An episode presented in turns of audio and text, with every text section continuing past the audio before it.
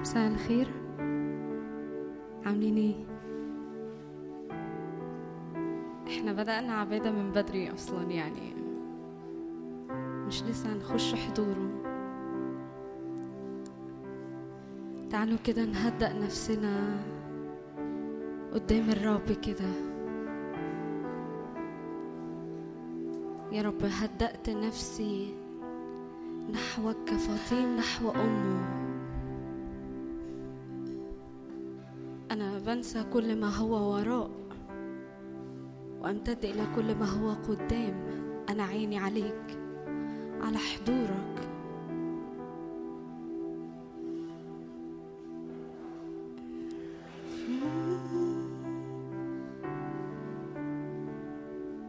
فإذ لنا ثقة بالدخول إلى قدس الأقداس لكي ننال رحمة ونجد نعمة عونا في حينه. يا رب اخترت الوقوف على عتبة بيتك.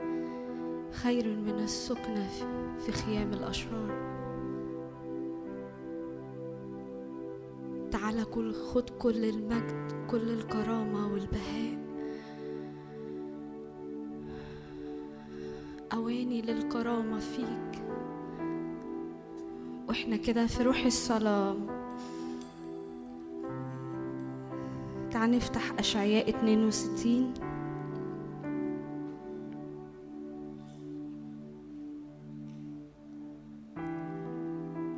يا رب ليس كقوم عادة يا رب.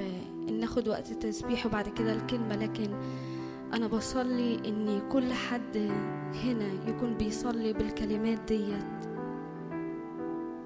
بيقول كده من أجل صهيون لا أسكت. ومن أجل أورشليم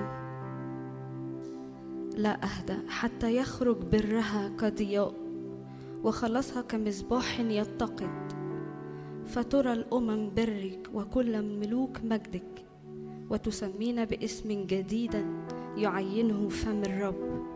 وتكونين إكليل جمال بيد الرب وتاجا ملكيا بكف إلهك. لا يقال بعد لك مهجورة ولا يقال بعد لأرضك موحشة بل تدعين حفصيبة وأرضك تدعى بعولة لأن الرب يسر بك وأرضك تصير ذات بعل.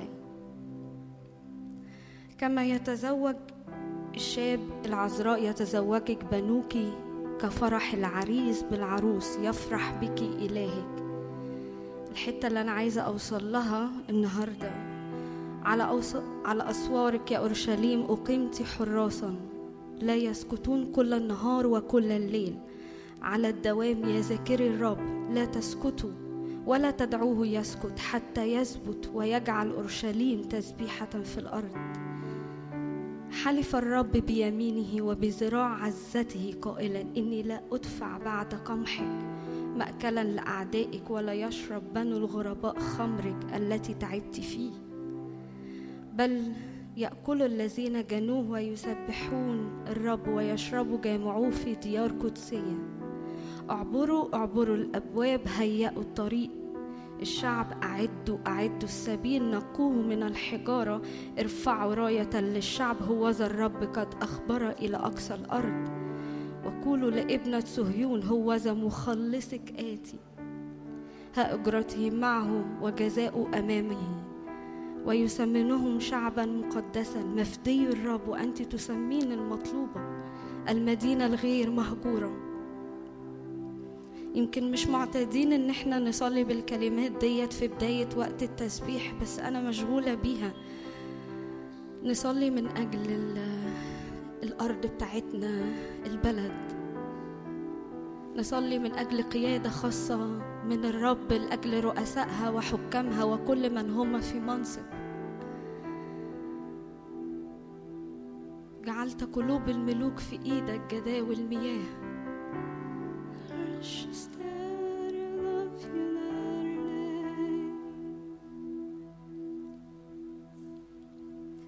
أشجعك كده لو حابب تقف أو تقعد أو تسجد. هما هو بيقول كده في كلمتين. إن لما ابتدأوا في الغناء والتسبيح جعل الرب أكمنة. على بني عمون ومؤاب وسعير. جعل أكمنة أحد أسلحة اللي المفروض تكون في هذا الزمن هو التسبيح.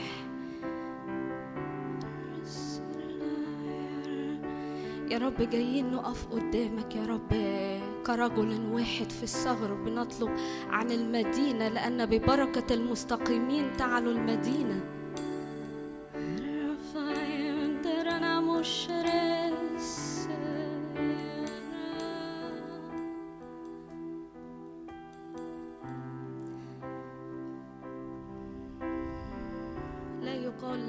بعد مهجورة أو موحشة بل تسمين حفصيبة اسم جديد يعينه فم الرب لأن إلهك يسر بك.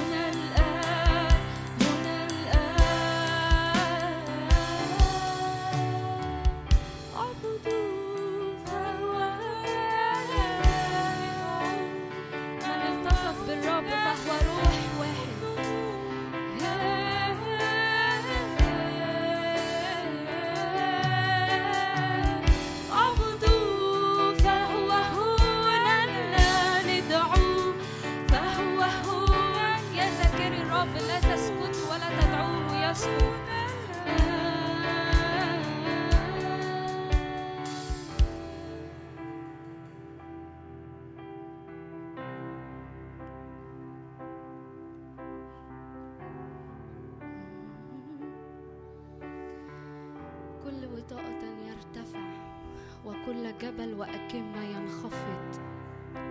المعوجات تصير مستقيما والعراقيب سهلا. مجد الرب يرى مجد الرب يرى في أرضنا فيراه كل جميع الأمم. يستعلن بقوة يستعلن آه، بنعمة يستعلن بانتصارات. يا رب نطلب بنقف يا رب عن مدينتنا بنقف يا رب عن الوطن العربي كله. يا رب بنطلب يا رب اللي في قلبك ليها بنطلب مشيئتك يا رب. أقصى حاجة يقول ليها القرارات والأمور اللي حاصلة الوقت دوت هو إن هم يعملوا مشيئتك.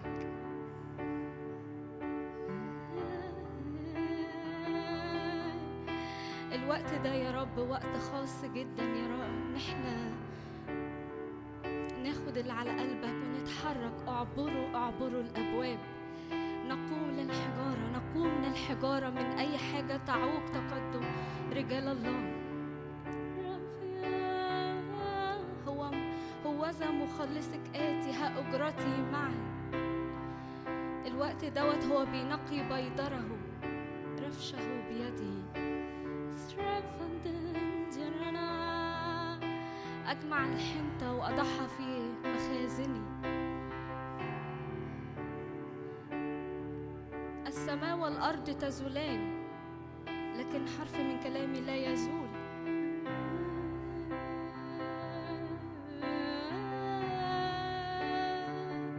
يا رب بصلي من أجل نهضة جوه قلب كل حد فينا هنا انت عايشة؟ يا رب طارحين كل ثقل عن أكتافنا طارحين كل تشويش كل حاجة العدو بيحاول يشغلنا فيها.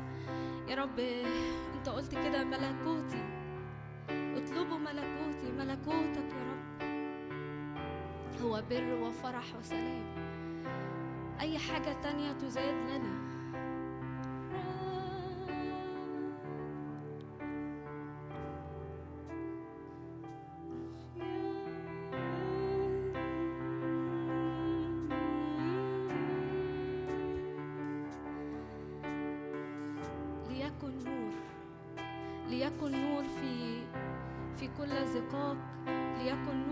شوارعها ليكن نور على كل مكان بنتحرك فيه.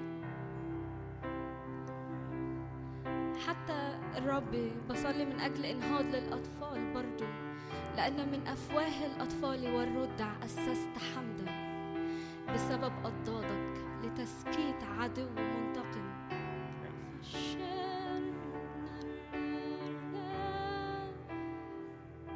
شعب الرب يتحد. يا رب واقفين يا رب في الصبر. أنا بثق إن الوقت ده فيه تسليم مفاتيح لعبور أبواب جديدة لامتلاكات جديدة. العدو لا يبقى فينا ولا الزلف لنا سرعة الرئم. شعب الرب عابر شعب الرب بيتحرك في أبواب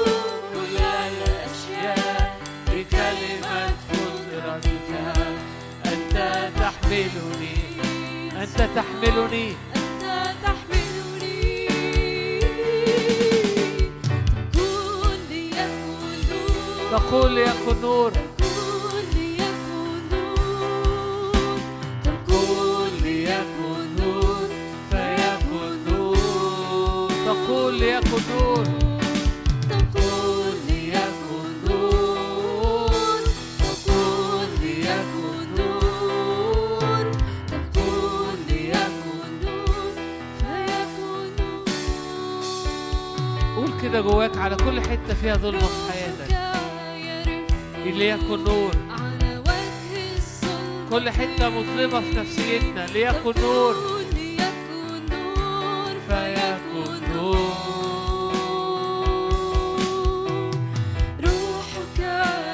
ليكن نور. ليكن نور.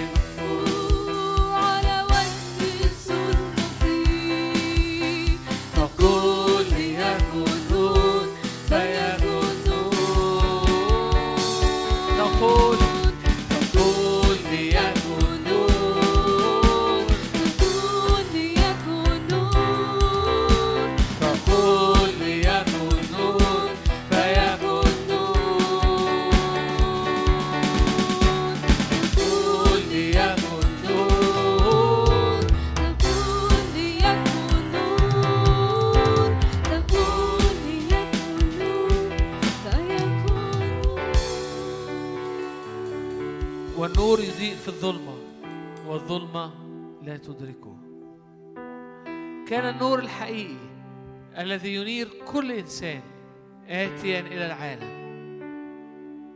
ده الإيمان وده الرجاء. دي الحاجة اللي, اللي, اللي دي الحاجة اللي كانت بترجى والنهاردة بنؤمن بيها. أن النور قد جاء إلى العالم. أن النور الحقيقي جه للعالم وأن النور الحقيقي يضيء في الظلمة والظلمة لا تقدر عليه. إحنا مش بنقول إنه كل حاجة فينا مضيئة النهاردة. في أمور في لسه pockets في لسه حتت في حياتنا. فيها ظلمة. في حتت في نفسيتنا. فيها ظلمة. في حتت جوانا فيها ظلمة. في حتت حوالينا فيها ظلمة. في ظلمة في العالم. لكن النور الحقيقي جاء إلى العالم لينير ظلمته.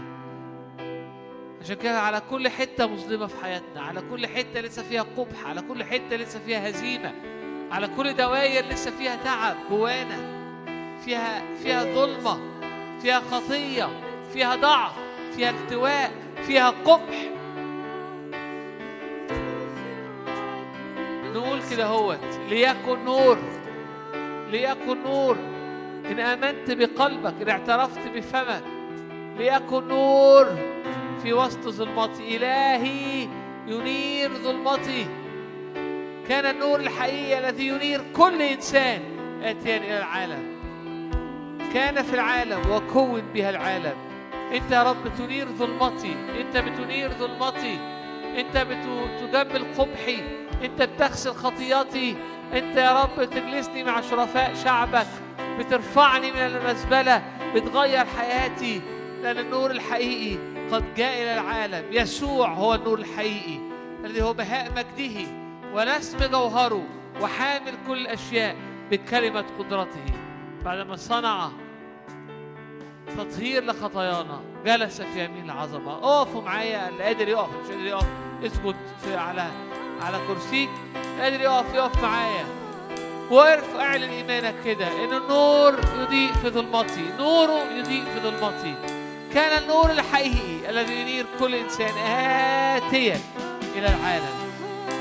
هللويا أنت بتنير ظلمتي أنت بتنير ظلمتي أنت بتغير حياتي. في نور وجه الملك حياة. في نور وجه الملك حياة. في كل حتة فيها موت. في نور وجه الملك حياة ليا.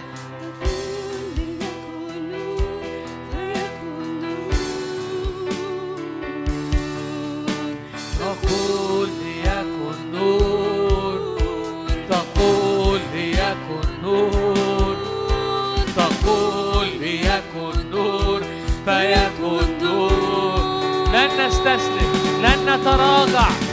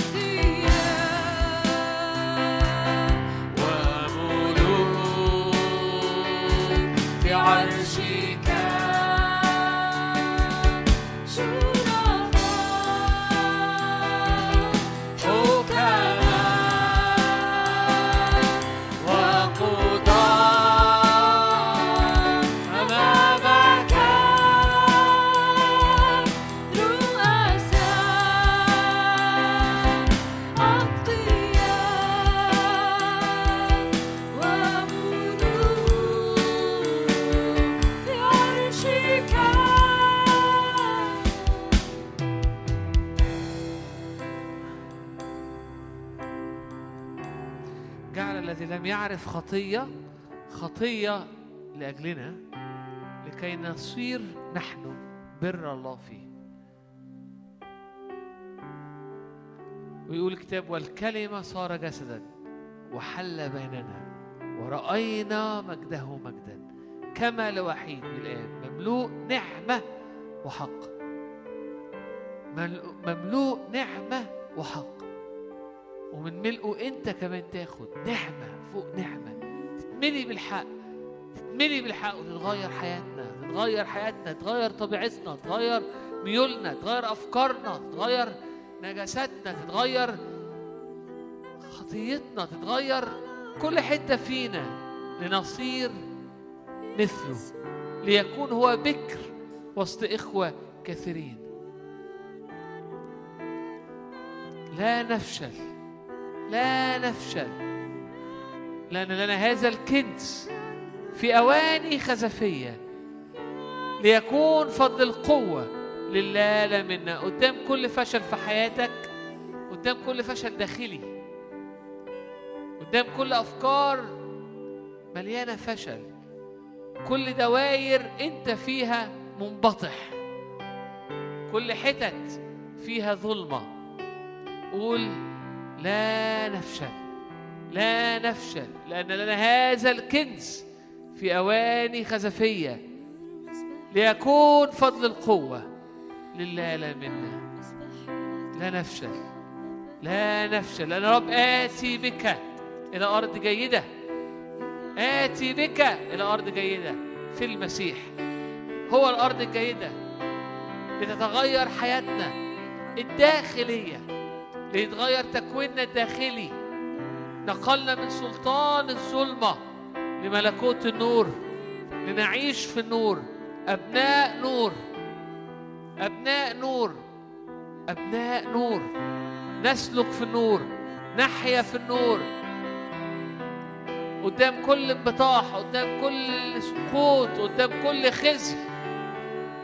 لا نفشل لا نفشل. لا نفشل. لا تشمتي بي عدواتي لأن إذا سقطت أقوم. إذا جلست في الظلمة فالرب نور لي. إلهي ينير ظلمتي. إلهي ينير ظلمتي. الذي دعانا من سلطان الظلمة ونقلنا لملكوت ابن محبته. كل كل قوة خدت سلطان في نفسيتي وفي أفكاري. كل قوة خدت أفكار في ميولي على جسدي. كل قوة خدت أفكار خدت قوة أو كل خدت سلطان على على مشاعري على نفسيتي على جسدي. قد جاء الأقوى ينادي بالعتق. قد جاء الأقوى يخرج من السجن. إزاي بيعمل كده؟ ونحن جميعا ناظرين مجد وجه مكشوف بنتغير لتلك الصورة عينها ونخرج من دوائر خزي لدوائر مجد. لو ف... لو فشلت ع- 200 ألف مرة قبل كده وحتى لو في الأيام الجاية سقطت أنا ثبت عيني على حاجة واحدة على مجده. إني أدخل إلى محضره أنال رحمة عونا في حينه أثق إنه قد جاء الأقوى ينادي بالعتق يخرج من السجن. يخرجني من سلط... لأنه أخرجني من سلطان الظلمة في المسيح. فكل شعرة فيا وكل ميول فيا وكل دايرة فيا تخرج. قال له لا يبقى زلف. لا قال له قال له اخرجوا بس سيبوا ورا حاجات. قال له لا يبقى شيء. لا يبقى. لا تبقى دايرة لا تبقى فكرة لا يبقى ميول لا يبقى لا يبقى شيء. نخرج ب ب ب ب ب ببنينا وبناتنا. نخرج بأغناء بغنمنا بممتلكاتنا بأزواجنا بزوجاتنا. نخرج بالكل لا يبقى شيء. نعيد له. نخرج نعيد نذبح لإلهنا. الكل الكل يخرج.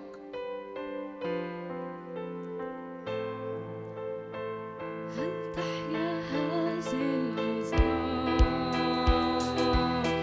والجالسون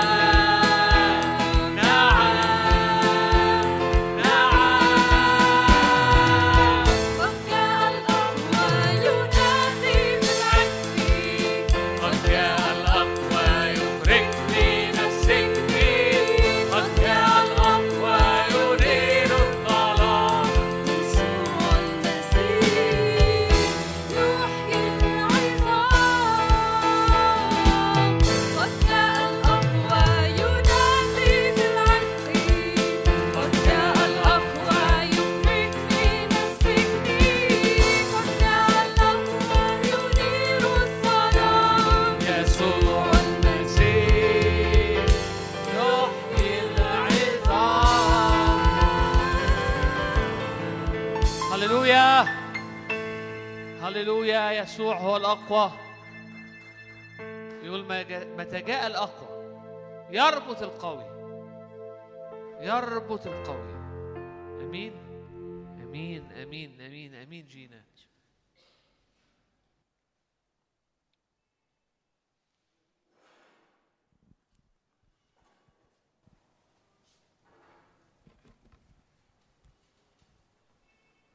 اولا حاجة رائعة إنه اولا عايزين ن... ن... نبارك ناس الرب عمال يتحرك بيها ويطلقها. يعني عايز أبارك قوي أو أصلي نعمة على جينا لأنه كل مرة بفت... بيكون عندها خدمة بفتح مثلا ال- الفيسبوك وألاقيها بتقود تسبيح. بتشجع جدا لأني بشوف إزاي ان الرب يطلق دعواتنا وما قصده في حياتنا عشان نحقق اللي على قلب الرب. الاجتماع أو تجمعنا هنا هوت مش عشان تفضل ناس على الكراسي وناس تانية بتخدم أو بت بت بتدي من عندها أو بتروي وانت والناس بتشرب وكأنه بحر مقفول. لا هو مكان فيه بنتقابل فيه بنتقابل مع الرب فيه في حاجات بتتسكب والرب يخرج منه بي- بيخرج منه أبطاله لتتميم دعواتهم أو المقاصد اللي على حياة الرب ليه أو المقاصد اللي على الر- للرب على حياتهم. ففي ناس كتيرة الرب أقامها وأطلقها من المكان ده عشان تبقى نور وعشان دعواتها واللي الرب دعيه ليها يحصل. فبقوا هم بيتروا وبيروا مش عارف مين كان موجود الأسبوع اللي فات. الأسبوع اللي فات كان آه، اجتماع رائع. لأنه مش عارف لو ما سمعتش الوعظة الأسبوع اللي فات كان ديفيد. كان اجتماع رائع جدا. وإحنا متباركين قوي لأنه لأنه في ناس عظيمة في ناس مليانة نعمة وفي ناس الرب حط على حياتها ودايع حقيقية لأنها كانت أمينة وهي موجودة وسطينا وبتتحرك وسطينا. فديفيد عادل ناس هتلاقوهم في الوقت الجاي لسه يعني ما أعرفش سمعت عادل لما اتكلم آه، من كام اجتماع سمعت ديفيد امبارح وقبل كده لكن مش عارف مين مين كان موجود مين ما كانش موجود لكن في نعمة في ناس عندها نعم عندها في عندها حاجات الرب أودعها في حياتهم وناس رائعة وموجودة عشان تباركنا وتبارك الجسد اللي هنا. ودي احدى الحاجات المهمة إنه إنه يبقى عندنا الوعي إن إحنا نستغل المسحة. يسوع في قريته لأنهم كانوا عارفين هو مين وجاي منين ما عرفوش يستقبلوا منه. لأنهم كانوا عمالين يبصوا على الطبيعي.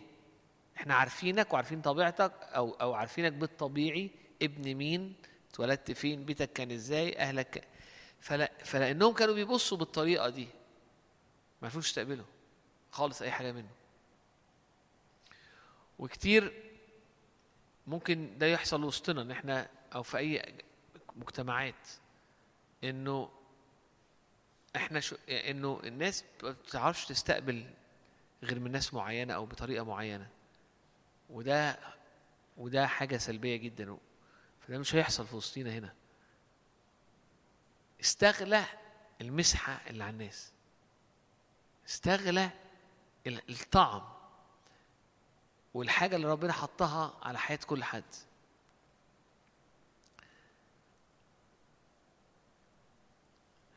في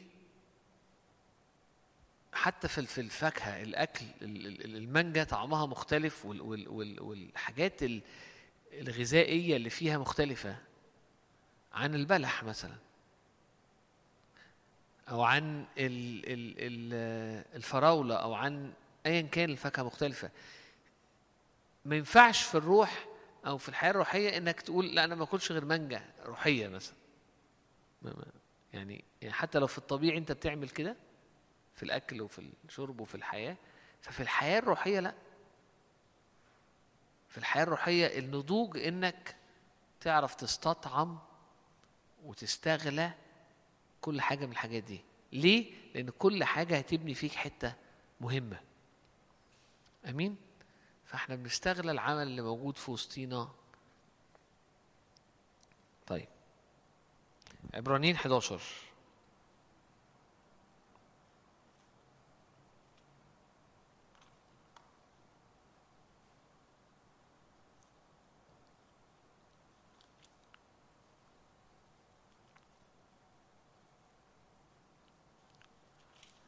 عدد واحد. وأما الإيمان فهو الثقة بما يرجى والإيقان بأمور لا ترى. فإنه في هذا شهد للقدماء. بالإيمان نفهم أن العالمين أتقنت بكلمة الله حتى لم يتكون ما يرى مما هو ظاهر. مرة تانية أما الإيمان فهو الثقة بما يرجى والإيقان بأمور لا ترى. فأنه في هذا شهد للقدماء. بالإيمان نفهم أن العالمين أتقنت بكلمة الله حتى لم يتكون ما يرى من ما هو ظاهر. هقف هنا الإيمان هي حاجة حقيقية في الروح. يعني الإنجليزي يقول لك faith is the substance of إنه الإيمان كأنها حاجة حقيقية substance حاجة حقيقية ملموسة لكن في عالم الروح الإيمان حقيقة موجودة وأمر حقيقي بنمتلكه في عالم الروح يقول لك إن الإيمان هو الثقه في أمور ترجى. هنا بيتكلم عن رجاء مش الرجاء الطبيعي.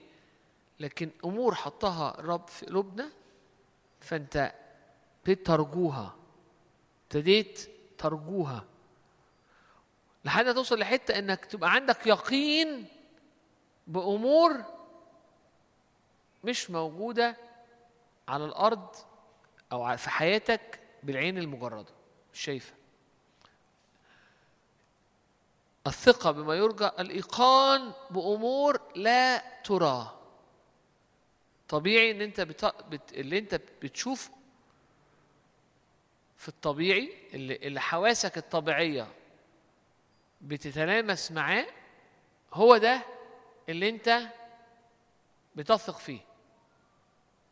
يقول لك إنه في حالة روحية هي إنه أنت بتوصل لحتة بيبقى عندك إيمان عندك يقين بأمور مش متشافة بالحواس الطبيعية.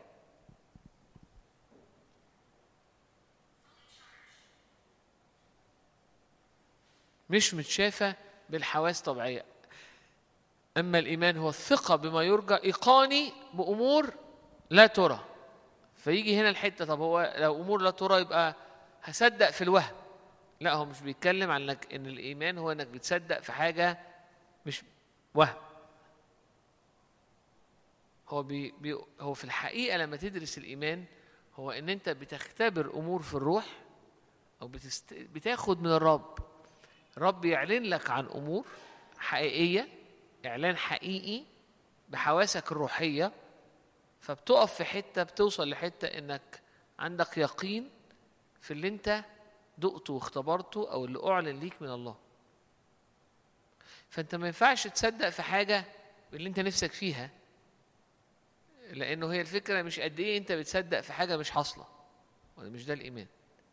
هو الإيمان إزاي أنت بتقف قدامه وبتقعد قدامه فالرب بي- بيبتدي يديك استنارة يديك إعلان يديك يفتح عينيك. بأمور حقيقية روحية لكن أنت مش مميزها ولا شايفها بالحواس الطبيعية. فبتتملي بحالة اسمها الإيمان. هي حاجة حقيقية روحية ملموسة في عالم الروح وبتملى إنسانك الروحي. والإيمان ده بيقعد بتاخده وبتستلمه وبتستقبله من الرب وهو اللي بيحركك بعد كده لحياة الإيمان.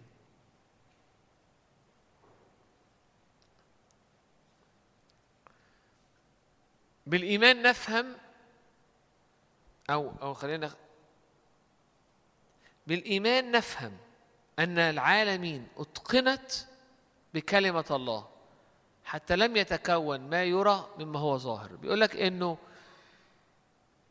بالإيمان بي بي دماغك وكيانك بيبتدي يفهم إزاي إنه أمور كتيرة قوي في الحياة حوالينا. العالم اتكون كله كل اللي انت عايش فيه كل اللي انت شايفه كل المجرات كل اتكون بكلمة الله. ممكن تبقى عندك المعلومة لكن الإدراك والإيمان ده لما يملاك إيمان بده هتبتدي تعيش وانت حاسس إنه مش مهم اللي حاصل واللي مش حاصل. لأنه لأنه كل كل حاجة أنا بتحرك فيها حواليا في العالم اللي أنا شايفه في الحقيقة خرج من كلمة الله خرج بفم الله. فالأمور اللي أنا شايفها ما تكونتش من حاجات كانت موجودة قبل كده. لم يتكون ما يرى مما هو ظاهر. هنا الإيمان إنه إنه مش مهم إيه اللي حاصل. مش مهم إيه العوامل اللي موجودة اللي ممكن تغير ال- ال- الدنيا. لأنه الله بيتكلم في العدم وبيخلق حاجات. لم يتكون ما يرى مما هو ظاهر. يعني كأنه بيحصل خلق هو بيقول لك الخلق حصل كده. إن فهو بيقول لنا إن إحنا مدعوين إن إحنا نعيش الخلق كل يوم. يعني إيه نعيش الخلق كل يوم؟ يعني نعيش الرب يخلق حاجات في حياتنا مش من الحاجات الظاهرة لكن أمور كتيرة في حياتك تتخلق أمور كتيرة في نفسيتك تتخلق أمور كتيرة في شخصيتك تتخلق أمور كتيرة في في في في, في طبيعتك تتغير وتتخلق. أمور كتيرة قوي تتخلق بكلمته. فيتكون في حياتك أمور كتيرة وتبتدي ترى بس ما حصلتش بسبب حاجات ظاهرة. ما حصلتش بسبب تربية. ما حصلتش بسبب معلومة. ما حصلتش بسبب آه، آه، آه، انت طورت في نفسك. حصلت عن طريق حاجة روحية غير عادية. كلمة كلمة من الرب حركت من الروح القدس على حياتك فخلقت أمور. ففي أمور كتيرة في حياتك في أمور كتيرة جواك في أمور كتيرة في دنيتك في أمور كتيره في نفسيتك في أمور كتيرة في فيك أنت شخصيا وفي كيانك وفي دماغك و... تتخلق. فلا يتكون ما يرى في حياتك من أمور ظاهرة أو من أمور موجودة. فتبقى بتعيش في ما لا يرى.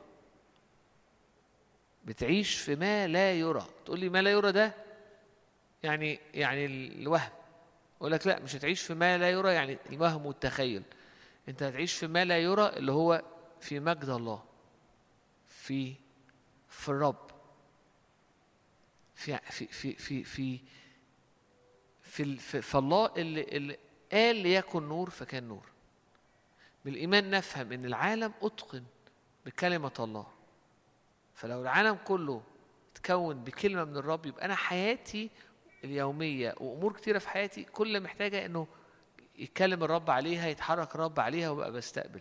فحياتي تبقى عايشة أنا عايش إزاي؟ أنا عايش مش بالحساب.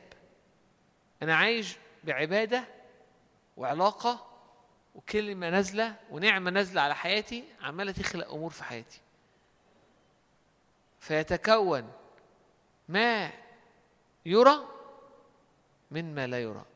يعني ما يرى اللي إحنا اللي هيبتدي يحصل في الواقع اللي بيحصل في حياتي يكون تكوينه جاي من حاجة مش من هنا ومش متشافة ومش محسوسة بال- بالحواس الطبيعية. وده الإيمان.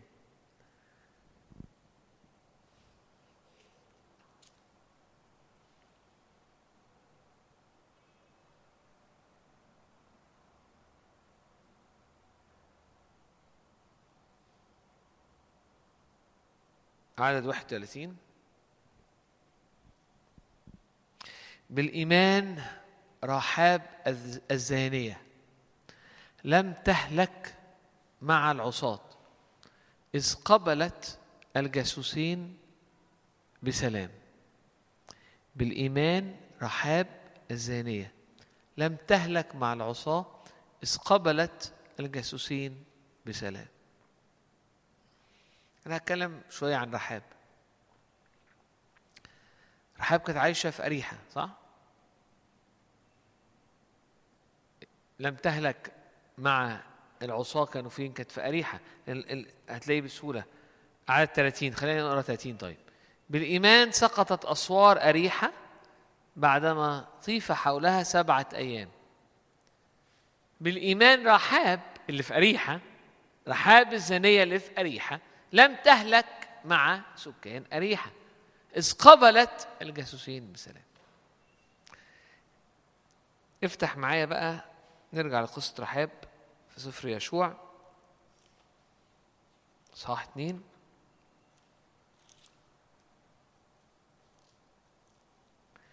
فأرسل يشوع بن نون عدد واحد من شطيم رجلين جاسوسين سرا قائلا. اذهبا انظرا الأرض وأريحا. فذهب ودخل بيت امرأة زانية اسمها رحاب واضطجع هناك فكشف الأمر. فقيل لملك أريحة هوذا قد دخل إلى هنا الليلة رجلان من بني إسرائيل لكي يتجسسا الأرض. أرسل الملك أريحة إلى رحاب يقول اخرجي الرجلين الذين أتيا إليك ودخل بيتك إنهم قد أتيا لكي يتجسس الأرض كلها. فأخذت المرأة رجلين خبأتهم وقالت نعم جاء إلي رجلين لم أعلم من أين هما. كان نحو انغلاق الباب في الظلام أنهم خرج أو وكان نحو انغلاق الباب في الظلام أنه خرج الرجلان لست أعلم أين ذهب الرجلان اسعوا سريعا وراءهم حتى تدركوهم. وما هي؟ فأطلعتهم إلى على السطح. وورتهما بين عيدان كتان لها. منضدة على السطح. فسعى القوم وراءهم في طريق الأردن إلى المخاوض وح وحلما خرج الذين سعوا وراءهما أغلقوا الباب. أما هما فقبل أن يضطجعا صعدت إليهم إلى السطح. وقالت للرجلين علمت عرفت تيقنت. I know. علمت أن الرب قد أعطاكم الأرض وأن رعبكم قد وقع علينا وأن جميع سكان الأرض ذابوا من أجلكم. لأن قد سمعنا كيف يبس الرب مياه بحر صوف قدامكم عند خروجكم من مصر وما عملتموه بملكي الأموريين الذين في عبر الأردن سيحون وعوج اللذان حرمتماهم سمعنا ذابت قلوبنا. لم تبقى بعد روح في إنسان بسببكم. رب إلهكم هو. رب إلهكم هو في السماء من فوق وعلى الأرض من تحت. هو الملك. على السماء في السماء وعلى الأرض. فالآن احلف لي بالرب وأعطياني علامة أمانة إني قد عملت معكم معروفا. بأن تعمل أنتم أيضا مع بيت أبي معروفا. وتستحياي أبي وأمي إخوتي أخواتي وكل ما لهم وتخلص أنفسنا من الموت. فقال لها الرجلان نفسنا عوضا عوضك للموت. إن لن تفشوا أمرنا هذا. يكون إذ أعطينا الرب إذ أعطانا الرب الأرض أننا نعمل معك معروف وأمانة. فأنزلتهم بحبل من القوة لأن بيتها كان بحائط السور وهي سكنت بالسور. قالت اذهبا إلى الجبل لئلا يصادفكم السعاد. اختبأ هناك ثلاث أيام حتى يرجع السعاة ثم اذهبا في طريقكم. فقال له الرجلان نحن بريئان من يمينك هذا الذي حلفتينا به. نحن نأتي إلى الأرض. اربطي هذا الحبل من الخيوط القرمز في القوة التي أنزلتنا منها. اجمعي إليك في البيت أباك وأمك أخوتك وسائر بيت أبيك. فيكون أن كل من يخرج من أبواب بيتك إلى الخارج دمه على رأسه. ونحن نكون بريئين. أما كل من يكون معك في البيت فدمه على رأسنا إذ وقعت عليه يد. وإن أفشيت أمرنا هذا نكون بريئين من حلفك الذي حلفت. فقالت هو هكذا حسب كلامكم وصرفتهم وربطت حبل الخرمس في القوة. كلمة رحاب يعني جاية من رحب أو رحوب معناها المكان المفتوح the open place. لو تفتكروا لما لما إسحاق كذا سنة فضل تطمر الآبار بتاعت إبراهيم فضل ينبشها لحد لما في وقت من الأوقات هو الرب اداله البير ليه وسماه رحوبوت ده اوبن بليس المكان الواسع الرحب. كلمة رحاب يعني حاجة واسعة متسعة. يقعدوا يتأملوا يقول لك حاجة واسعة لأنها عاشت حياة في الطريق الواسع مش الطريق الضيق اللي يأتي بالهلاك. فهي عاشت الحياة بطولها وبعرضها أو في الطريق الواسع الذي يؤدي إلى فاكرين مثل يسوع أو الطريق الواسع والطريق الضيق. ففي ناس تأمل تقول لك هي عاشت في الطريق الواسع. في ناس تقول لك لا هو دي كانت نبوة عن حياتها لأنها عاشت كانوا عايزينها تطلع حاجة يبقى ليها مستقبل واسع وباهر فهي كانت لحد اللحظة دي في عيون وبمقاييس أريحة هي عايشة حياة في ملء النجاح وفي ملء الغنى. لما بنقرأ عن رحاب الزانية مش بنفهم قوي الخلفية. في الحقيقة أريحة كانت بتعبد إله القمر. وكان إله قوي وهو ده نفس الإله اللي كانوا بيعبدوه في حضارة ما بين النهرين في حران اللي خرج منها إبراهيم. اخرج من أرضك ومن عشيرتك ومن بيت أبيك. خرج من حضارة بتعبد هذا الإله. أريحة كانت بلد جميلة. كانت على جبل عالي وكانت ذو أسوار وأبراج قوية. فكانت مدينة مليانة كبرياء لأنها من. في ناس رأيها أن دي من أقدم المدن في التاريخ. فكانت قديمة جدا قوية جدا تضاريسها صعبة لا تخترق. يعني اللي كانت بتقوله هي كان حاجة بالعقل ما إيه شوية الجيوش دي اللي تحاول تخترق أريحة ملهاش حل. ما ينفع يعني ممكن تقول لي عادي إن هي حاسة كده مش عادي لأنه بالطبيعي هم ما يعرفش عشان يطلعوا على مكان عالي وبعد كده يعرفوا يطلعوا فوق الأسوار والأبراج ويخترقوا مستحيل. في ناس رأيها إن كلمة أريحة جاية من إنها مليانة روائح ذكية وطيبة وجميلة لأنها كانت مليانة بشجر جميز ومليانة بالنخل كميات غير عادية من النخل فكانت كجنة فكانت مدينة ذات الروائح الجميلة العطرة. كانوا بيعبدوا إله القمر عبادته كانت مليانة نجاسة. كانوا بيعبدوا في الهيكل كانوا لازم يبقى فيه زي آه ال- الكهنة أو البريستس اللي هم الكهنة الستات. وكانوا هم في الوقت ده بيقدموا عبادة وفي نفس الوقت العبادة مليانة نجاسة. فكانوا ذناه. ففي ناس بتقول إنه هي كانت إحدى العاملات في هيكل آلهة اريح فهي ذات شأن لأنه البلاد دي كانت الآلهة فيها مهمة. فدي إحدى الناس المهمة إن منخرطة في عبادة الآلهة بتاعتها واللي واخدة مكانة وإحدى ذنات أريحة. فهي ما كانتش واحدة يعني بالنسبة للشعب بتاع أريحة يعني هي واحدة زانية في أريحة لا هي ما كانتش كده. دي كانت واحدة مليانة بعبادات وثنية قبيحة جدا. فمليانة أرواح شريرة أكيد ومليانة بتعبد شياطين بعبادة مليانة نجاسة وزنا. وهي دي رحاب.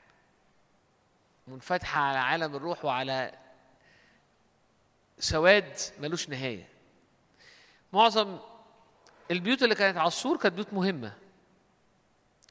طب ليه ليه بيقولوا ليه الناس دخلوا لها لأنه غالبا بيتها كان كبير في جزء هي عايشة فيه هي أسرتها وفي جزء بيبقى لوكاندا الناس بتيجي وبينفع فيه تمارس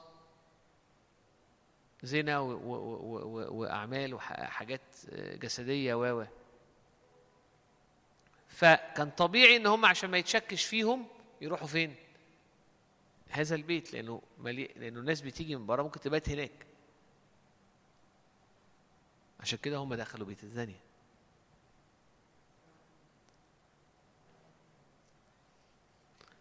يبقى أول نقطة إنه أريحة كانت مدينة بالطبيعي غنية جدا قوية جدا صعب جدا في تدريسها إن حد يخشها. بتعبد إله قوي إله حقيقي. كانوا بيعبروا بيعبروا عيالهم في النار. كانوا يعبدوا آلهة قوية. فيها ليها حضور قوي. كان الإيمان وقتها وده إيمان حقيقي مش إيمان ده مش مش مش مش وهم. كل منطقة بتعبد إله. الإله ده هو اللي مسؤول بقوة عليها عليها. واللي إلهه أقوى هيقدر يغلب المدينة التانية. كان الملك والكهنة أهم ناس. فالحرب كانت بين إله أريحة ويهوى. فهي حرب روحية حقيقية. ودي واحدة من كهنة أريحة.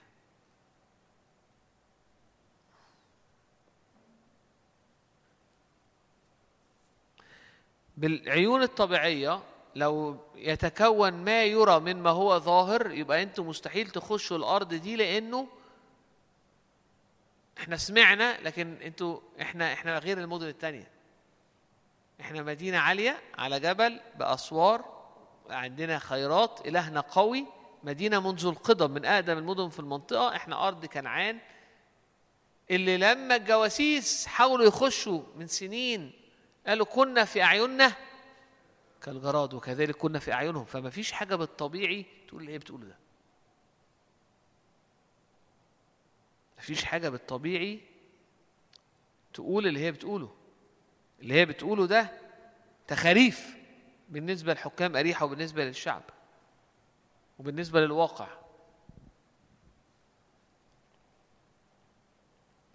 المفاجأة إن هي قالت إن إن إن هي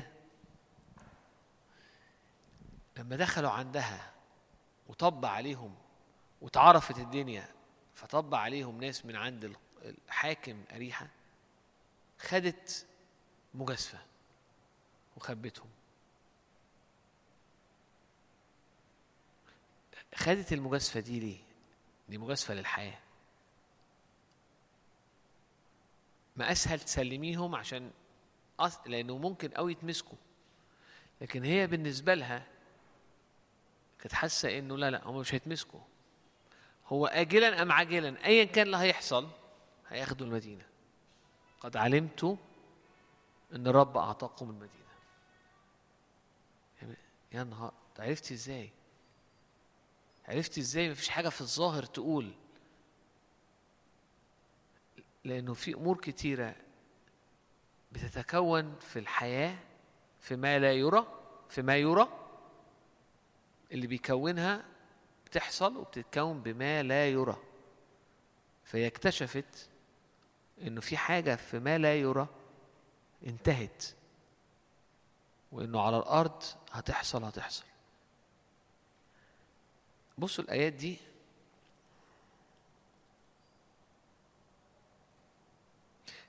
بعد لما دخل دخلوا لبيتها وخبأتهم لما لما لما دخلوا عليها يقول أما كانوا طالعين يناموا هم فوق وهيناموا. فكان عدد ثمانية أما هما فقبل أن يضطجعا صعدت إليهم إلى السطح. لما نروح السماء بقى ده إحدى الحاجات اللي هقعد أسألها إيه اللي حصل يعني حكيتوا في إيه على السطح؟ طلعت لهم على السطح. كتاب كاتب حتت من اللي حصل. بس أكيد كانوا مسؤولين لأنها طلعت لهم على السطح قالت لهم حاجات أنا مش عارف قد إيه الشعب كان بيؤمن بيها وقتها. أبائهم ما امنوش بيها.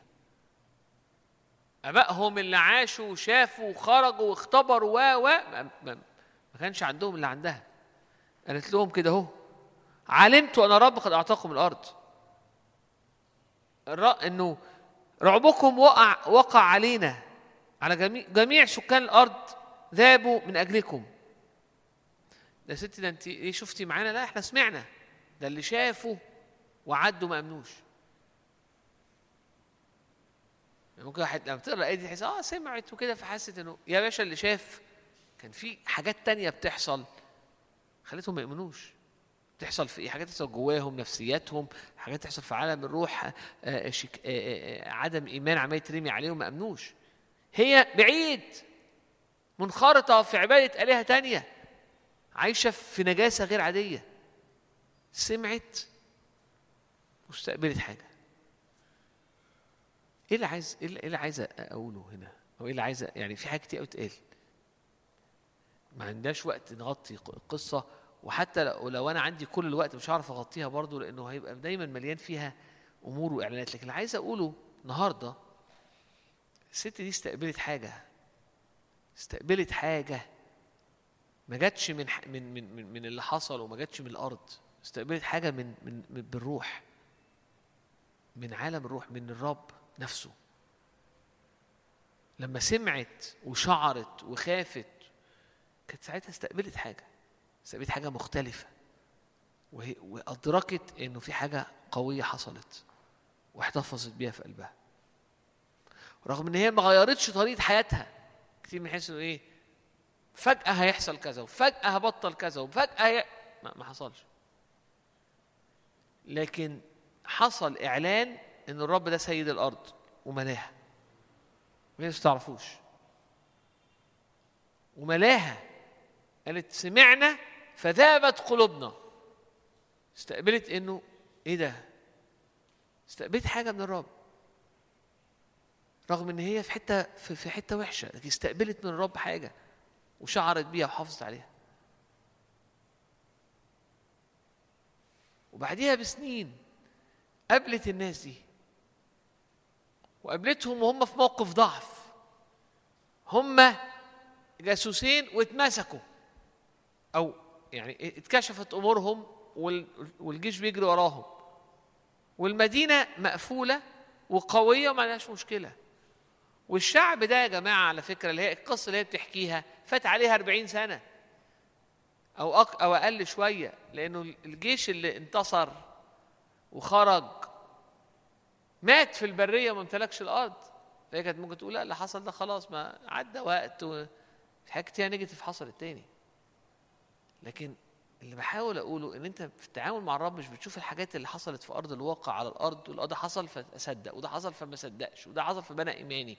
لو إيمانك مبني على حتى الحاجات اللي حصلت في حياتك كويسة أو ده مش كفاية.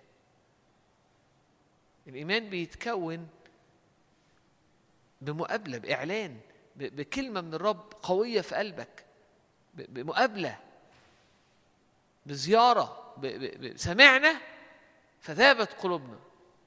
إعلان مقابلة. ف ح- حافظت عليها.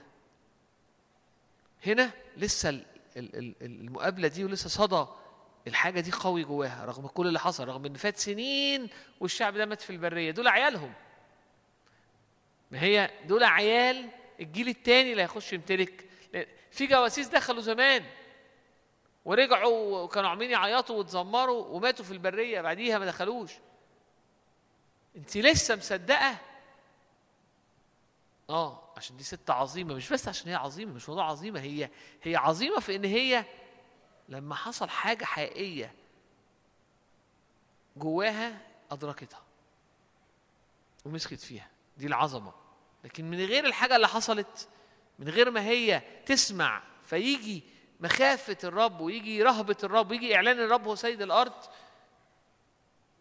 ما كانتش تقدر تقف ولا ولا كانت هتعرف. لكن في حاجة حصلت جواها قوية في المقابلة فعندها إيمان إن هو ده سيد الأرض.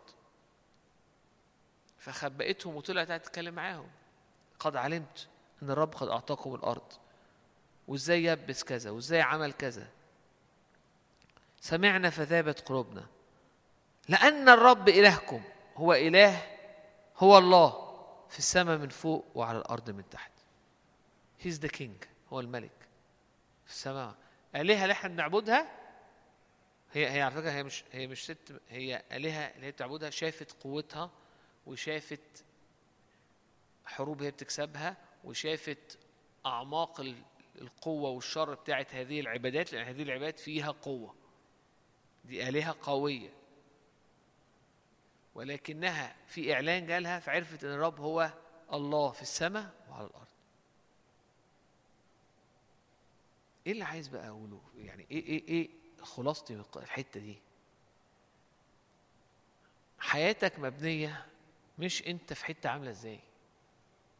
أنا في حتة صعبة وأنا نفسيتي صعبة وأنا أصلي عندي مشاكل في شخصيتي وأنا عندي مشاكل في سلوكي وأنا عندي مشاكل في أمين. فربنا هيعمل إيه بقى؟ لا لا ثانية واحدة. أمين. full stop حياتك مبنية إنك بتقف قدامه بتعيش في عبادة بيحصل مقابلات بيحصل كلمات بتخلق أمور جواك حتى لا يتكون ما يرى مما هو ظاهر. فتحصل أمور في حياتك تخليك تقدر تقف ضد كل حاجة أنت شايفها وضد كل حاجة في نفسيتك وكل حاجة في شخصيتك وكل حاجة في سلوكك وتعيش بطريقة تانية.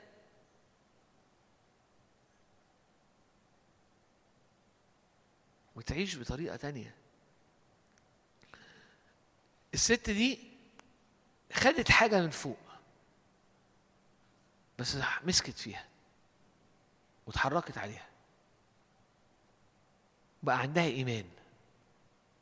واستغلت الإيمان فعاشت وخدت قرارات والقرارات دي كان فيها ريسك كان فيها مخاطرة.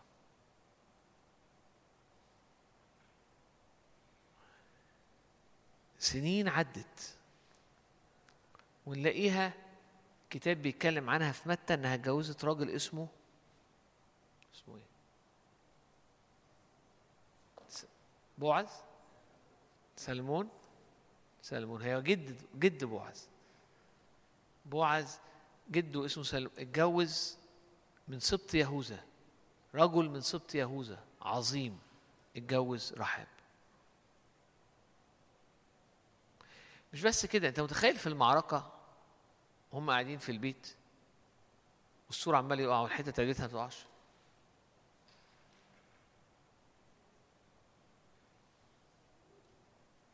إيمان آه إيمان. لكن حركة ورا الرب على ضوء إعلان على ضوء حاجة هو عملها. فقد إيه غالي إنك تعيش بتعبد أيا كانت حالتك وأيا كان أنت ظروفك وأيا كانت أنت حالتك الروحية عاملة إزاي. لأنه في نور وجه الملك حياة. فلما تيجي تقول لي أنا مش عارف أقف قدام الرب عشان ما فيهاش حياة أقول لك يا حبيبي أقول لك في نور وجهه حياة. رضاه كالمطر المتأخر. المطر المتأخر ده كان حاجة غالية قوي قوي قوي قوي قوي قوي قوي قوي على الشعوب وعلى الأراضي. لما بيجي كده مطر يكون متأخر ويجي يرخ كده هوت ويظبط ال- ال- ال- المحصول اللي كان هيضيع. في رضا الرب. في رضا الرب. ببص على الحياة بقول إيه ده؟ إيه قوة الإعلان؟ إيه قوة المقابلة دي؟ اللي ينفع تحط جوانا حاجة لو وقفنا عليها تقلب حياتنا. في كل وقت بنخبط في ضعف فينا بنخبط في أمور مقفولة عندنا بنخبط لو إحنا أمنا. أمنا بمعنى إيه؟ إن إحنا نقف قدامه وننتظر وجهه. هتحصل مقابلات. هتخلينا حاجات تتحط في أرواحنا. نقدر بيها. نقف بإيمان وناخد قرارات معينة ونتحرك ناحية أمور معينة فتتغير شكل الأرض. تغير شكل حياتنا. بالإيمان رحاب الزانية. لم تهلك مع العصاة. إذ قبلت الجاسوسين بسلام. بعد ممكن تقول لي يعني يعني أنت كنت تقرأ القصة تحس عادي. لا القصة مش عادية. لأنه بالعين البشرية وبالظروف المفروض ما تختارش ده. لأنه هي قاعدة في حتة شكلها أقوى بكتير. ثانيا لأن هي دماغها بايظة وبقى لها سنين عايشه في نجاسة كإحدى كهنه إله القمر. ثالثا لأن الشعب ده نفسه كانت حالته صعبة وما امتلكش الأرض لأنه مخ- وماتوا في البرية فبالعين الطبيعية يا باشا أنتوا بقالكم سنين مرميين في الصحراء. حصل حاجات بس كان فين؟ كان زمان. لما دخلتوا على على كنعان ما قدرتوش على آلهتها ولا عرفتوا تهاجموا ومتوا في البرية. ده ده كان إحدى التفاسير للشعوب إنه يا باشا ما- ما, ما, سلكتش معاكم. سنين عدت. فاللي هي عملته ما كانش أمر طبيعي. كان أمر مبني على إعلان كان أمر مبني على مقابلة كان أمر سمعنا فحصل حاجة في حاجة اتحطت في أرواحنا. علمت. علمت. علمت إزاي؟ فهمت ده إزاي؟ مش من حاجة ترى لكن مما لا يرى. إحنا بنبني حياتنا وبنبني ال ال الدنيا وبنبني الكيس يعني ال ال ال ال الحالة اللي إحنا فيها بإيه اللي موجود وإيه اللي مش موجود والدنيا إيه وهيحصل إيه وممكن يحصل إيه. كله مبني على ما يرى أو ما ظاهر ما هو أو أو ما ظاهر. قول آه ده اللي حاصل ما يرى هيتكون أو في حاجات ظاهرة كده كده في الأفق ممكن تحصل فالدنيا لكن في أمور كتيرة في حياتك ينفع تتحرك بما تتغير وتتكون مما لا يرى. معتمده على إيه؟ معتمده على إنه يحصل إعلان يحصل مقابلة يحصل أمور. تملى الروح بتاعك وتحرك من هناك فتخلق وتجدد وجه الأرض بتاعتك. يعني وجه حياتك وأفكارك ودنيتك وظروفك. القصة بقى إنها لما مشيت وراحت الأرض هي وأهلها دخلت على عالم تاني خالص. دي واحدة عايشة هي على فكرة مش نجاسة شبه اللي موجود هي نجاسة في حتة ده منحدر تاني خالص. هي مش عبادة عادية دي عبادة في حتة تاني خالص. إن يحصل تغيير يعني هنا في إماتة للجسد هنا هنا طريقة الحياة اللي مليانة الشهوة والجسد والحاجات الكتيرة قوي الظلمة اللي طلعت. إزاي في الحياة اليومية بعد كده الحاجات دي كلها ماتت؟ المسيرة دي دي مسيرة في رأيي انها مش نفس المنهج. مش على إيه هو المنهج؟ من من من في نور وجهه في إعلانه في حاجة بتحصل فتقدر تنتصر. عارف لما بولس قال انه بيقمع جسده قال ال- إزاي بيحصل كده؟ إنه بيمشي ورا الرب صوت الروح بيبقى أقوى يجي الجسد يتكلم بيقمعه ده اللي هي عملته. إزاي عاشت بعد كده؟ دي القصة. إزاي عاشت مع شعب؟ عاشت مع شعب مختلف بطريقة مختلفة. نظرة الشعب ليها في السنين الأولى كانت عاملة إزاي؟ إنها جاية من خلي بالك الشعب كان كذا مليون واحد فنظرتهم لواحدة أممية دخلت وسطهم. لكن هي دي الزيتونة أو ال ال ال ال ال ال ال عارفين لما بيتكلم على على على الزيتونة وانه جت حاجة برية طعمت في أصل الزيتونة فخدت من عصارتها وخدت في روميا ده حصل لواحده أممية طعمت في عمل الرب طعمت رغم إن هي برية وملهاش وما فيهاش وحشة لكن لما شربت من عصارة الرب وطعمت اتملت مجد. فاتجوزت احد شرفاء الشعب. والروح القدس يكمل معاها فتبقى جدة جدة جدة داود الملك ويأتي من نسلها المسيح. وتكتب في جينولوجي في في, أنساب يسوع متى واحد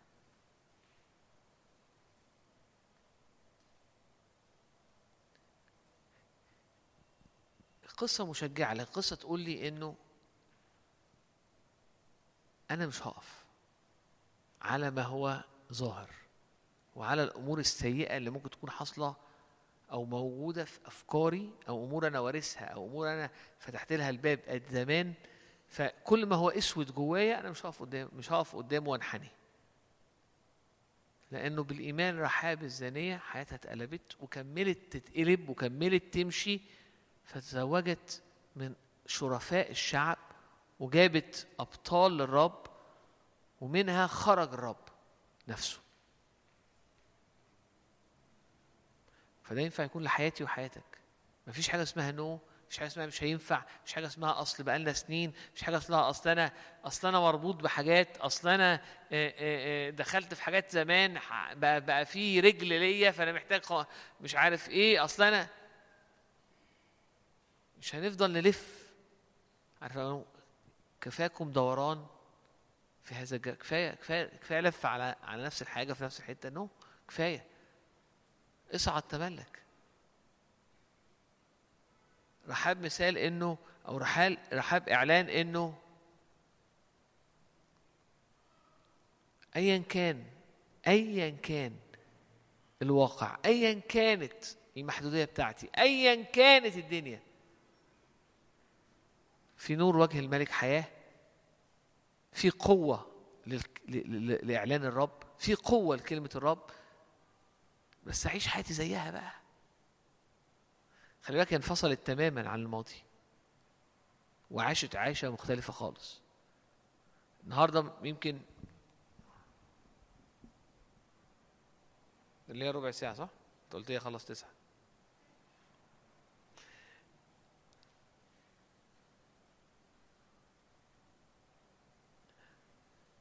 عمليا الكتاب ما شرحلناش المسيرة بتاعت بتاعتها بعد كده. لكن الكتاب شرح لنا م- مسيرة ناس تانية وكلمنا عن المسيرة في العهد الجديد زي المسيرة تكون المفروض تبقى ماشية إزاي.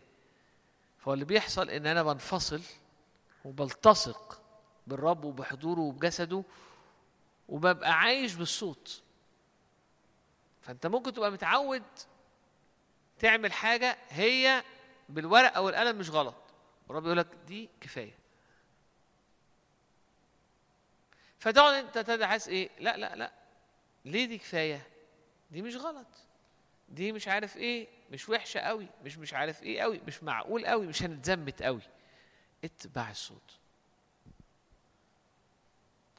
لأنه ال ال في التنقية بيبقى فيه عارفين الفلاتر؟ بيبقى فيه فلتر واسع. وبعد كده تعدي تعدي الحاجة ويمسك الحاجات الشوائب الكبيرة وبعد كده يجي فلتر اضيق وفلتر اضيق ما قررش الرب أنهي فلتر اللي هيحطه لك دلوقتي.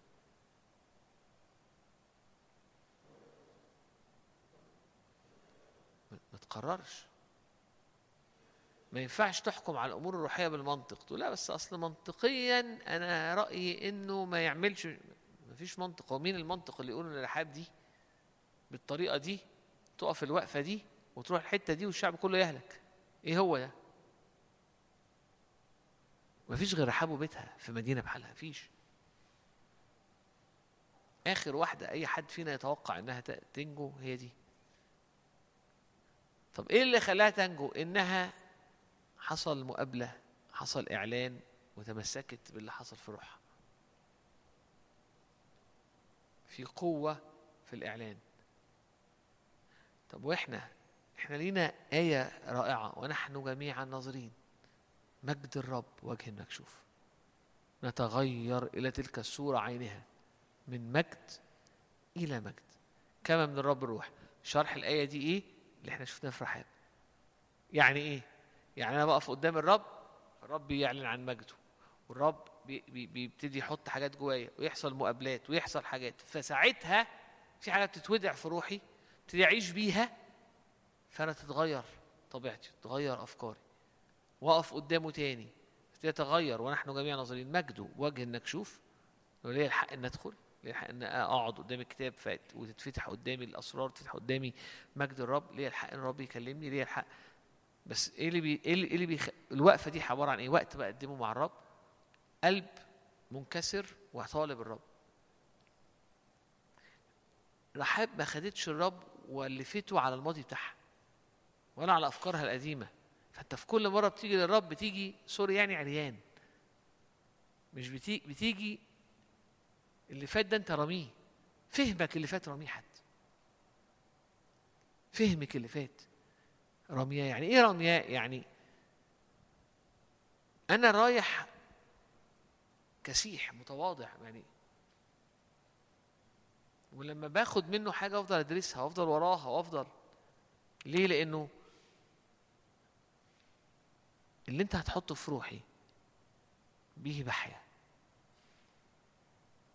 هو ده المن اللي بعيش بيه. انت بتدي من كان بيدي كل صباح. بمعنى انه انه انه كل يوم في اعلان جديد كل لحظة في حاجة جديدة الرب عايز يعملها. القديم بيعفن. لو رحت ت- تستلقطه تستلقطه تاني. فاطلع الجديد وخده.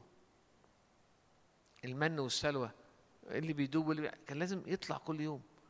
نطلع ورا رب كل لحظة. لاي للصوت الجديد اللي عايز يديهولنا هي دي هي دي ده الفيول. هو ده هو ده الطاقة. هو ده البنزين الوقود بتاع موتورنا.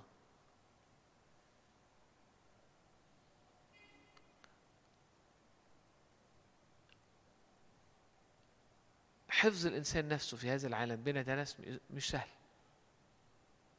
ليه مش سهل؟ لأنه منفتحين على حاجات كتير قوي وفي أمور من الماضي كتيرة قوي. تلاقي نفسك فجأة في حتة أنا إيه اللي جابني في الحتة دي؟ أنا إيه اللي جابني للفكرة دي؟ أنا إيه اللي جابني لل... لل... لل... لل... لل... للسلوك ده؟ أنا إيه اللي جابني في الحتة دي؟ ما أنا لسه بحضر اجتماعات أنا لسه بخدم أنا لسه بقرأ. آه ببقى بقضي وقت مع الرب. آه لأنه اللي بيجيبك في الحتة دي إن أنت واحد مش جعان وعطشان وعلى الأرض قدام الوقود اليومي. اتنين أبوابك مفتوحة. أبوابك مفتوحة. طب أقفل الأبواب إزاي؟ اسمع صوته.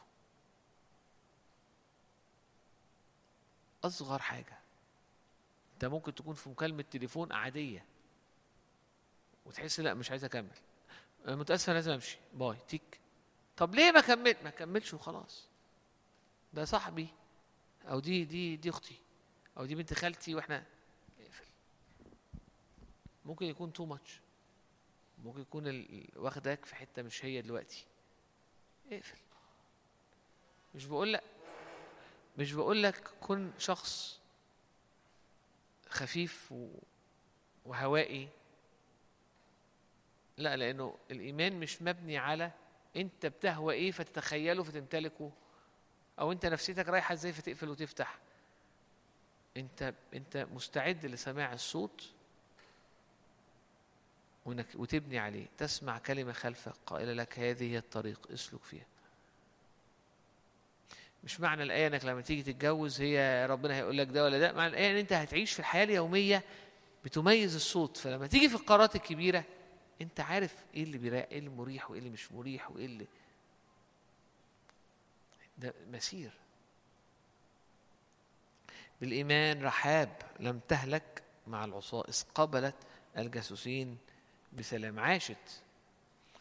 بص في آية حلوة قوي في يعقوب اتنين. أنا. أنا خلصت بس عايز أوريك آية جميلة عن رحاب في يعقوب.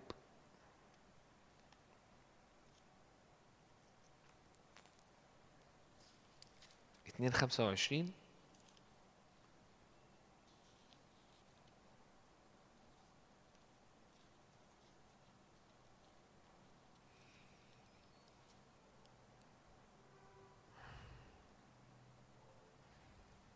بص في 21 بيتكلم عن إبراهيم وبيتكلم عن إيمان إبراهيم. إبراهيم أبو الإيمان وبيتكلم إزاي عن إيمانه والحركة اللي عملها ورا الإيمان لأنه عنده إيمان فده في استعلان للإيمان ده في في في, في أفعاله في أعماله. مش زي هناك بقى وإزاي قدم إسحاق و و و زي الإيمان اللي بيخليه يتحرك وأعماله تممت إيمانه وإزاي قدم ابنه. يجيب مين تاني بقى في في الإصحاح؟ يعدي يعدي يعدي يعدي يعدي ما يجيبش حد تاني خالص. ويقول إيه؟ كذلك رحاب. في عدد 25 الزانية أيضا. أما تبررت بالأعمال يعني يعني حركة حركة إنها اتحركت ورا الإعلان اللي عندها. ده اللي بررها. لو كانت سلمت الجاسوسين. اللي بررها إنه الإعلان الإيمان خلاها تتحرك. وأخرجتهم في طريق آخر. هقف هقف هنا. الإصحاح كله بيتكلم عن إيمان فبيحط اتنين. إبراهيم وهو بيقدم ابنه ورحاب وهي بتقبل الجاسوسين. ومش جايب أي حد تاني. قصة. رحاب قصة. اللي هي اللي هي اتحركت فيه من ورا العقل. ومسيرتها بعد كده من ورا العقل إنها تصير إحدى شرفاء الشعب في القداسة والحياة والإيمان والتقوى وترث المواعيد وتتجوز إحدى شرفاء الشعب شرفاء يهوذا. فيأتي منها ملوك ويأتي منها داوود ويأتي منها المسيح وتكتب في الأنساب.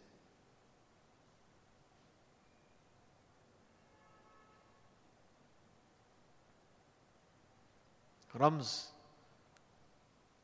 ال- القصة كان فيها رمز مهم. اربطي قرمزي. الدم. على حساب الدم. مغفورة الخطية على حساب الدم في عهد. على حساب الدم ينفع أقف واستقبل. القدرية اللي تقولك اللي هيحصل هيحصل. لو ربنا عايز هيديني وربنا عايز هيكلمني وربنا عايز كان عمل لي وربنا أصل هو اللي سمح مش عارف إيه. ده تعليم ده تعليم أنا ده, ده ملوش دعوة باللي إحنا بنتكلم. قال له عند الباب خطيه رابطة. عايزة تسود عليك. عمل إيه؟ اتحرك ناحيتها. الرب ما كانش عايز يتحرك ناحيتها. مش اللي هيحصل هيحصل. مش لو ربنا عايز هيعمل. لأن الرب يريد أن الجميع يخلصون إلى معرفة الحق يقبلون ده بيحصل. لا مش بيحصل. أنا عارف الأفكار اللي أنا مفتكر بيها عليك أفكار سلامة. طب وبعدين بقى لو مش كل حاجة ربنا عايزها تحصل بتحصل. أو يعني لو الدنيا كده إيه؟ دم غسلك وقفك عشان تعيش تعبده من ملئه تاخد نعمة فوق نعمة تستقبل اللي بيحطه جواك بيخلق حاجة تعرف تتحرك يغير الواقع يقلب الدنيا يغير شخصيتك يغير البادي بتاعك يغير يغير يغير. وبعدين الست دي سمعت من سنين وشافت الخلاص تأخر قوي. في النص كانت في حاجات كتيرة غلط لسه. كانت لسه في حاجات كتيرة غلط. مش بقول لك عيش في الغلط أو عيشي في ال... أنا قصدي أقول لك إنه أنا مش هبص على اللي بيحصل في الأرض. أنا هفضل وراه وهفضل أقف ضد كل شهوة وكل كذا ولا تشمتي بي عدوتي سقطت أقوم. في نفس الوقت ده أنا مش هعيش مركز حياتي أنا واللي أنا عايزه يحصل واللي أنا نفسي يحصل واللي حصل معايا زمان. ما أنت عايشة أو أنت عايش في, في, في, في ما يرى وما كان وما أنت مق... ما هو ده مش دي العيشة. اما العيشة إيه؟ قال لك ناظرين إلى رئيس الإيمان. ناظرين. fix your eyes ثبت عينك عليه. مش عشان هو الأداة اللي هيعمل لك اللي انت no. ثبت عينك لأنه في نور. وجه الملك حياة. ثبت عينك لأنه هو مشتهى الأمم هو رجاء الشعوب هو الغاية. هو مليان نعمة. وعايز يسكب عليك نعمة.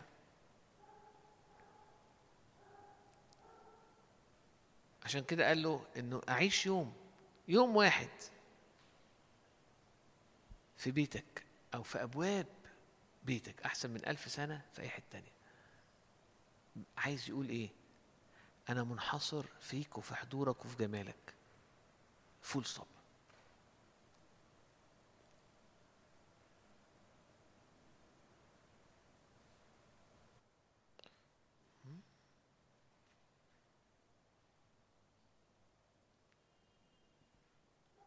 لأننا به نحيا جينا ممكن تطلعي لو عايز. وبه نتحرك وبه نوجد.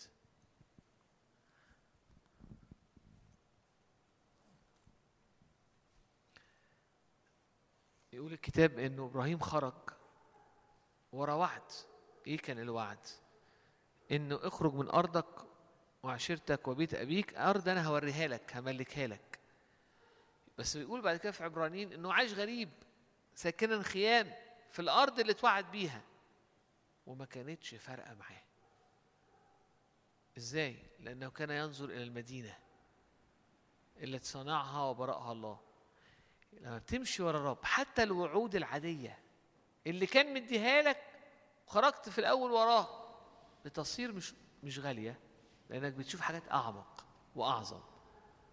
هو كان مديله أرض. هو هو متغرب الأرض فقدت حتى غلاوتها لأنه شاف المدينة. مدينة اللي بيقول عنها الكتاب. آه إنه وريني العروس أراني العروس. قال له هوريك العروس. فرأراني مدينة نازلة. شاف المجد شاف مدينة الله شاف الكنيسة شاف المواريث شاف الجسد المسيح شاف مدينة الله. ففقد عينه حتى المدينة الأرضية اللي كانت هياخدها ميراث.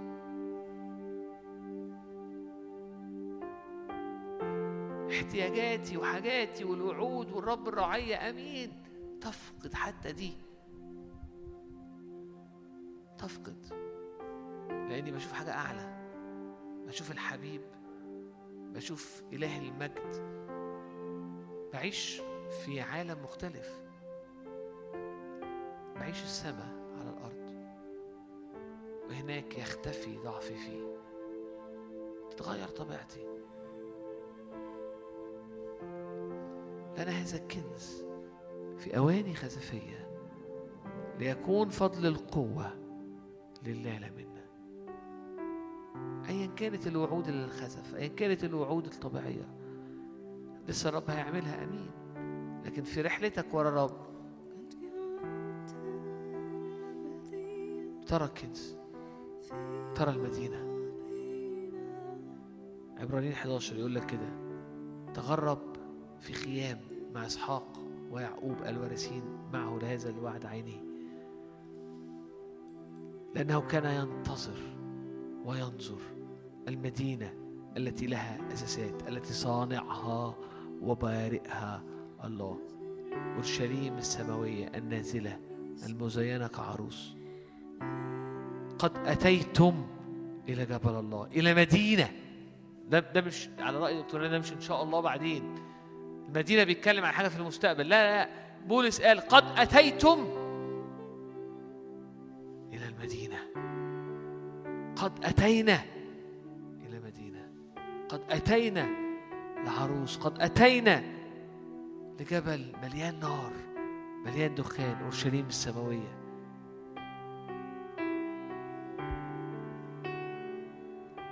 لا تراجع. No giving up.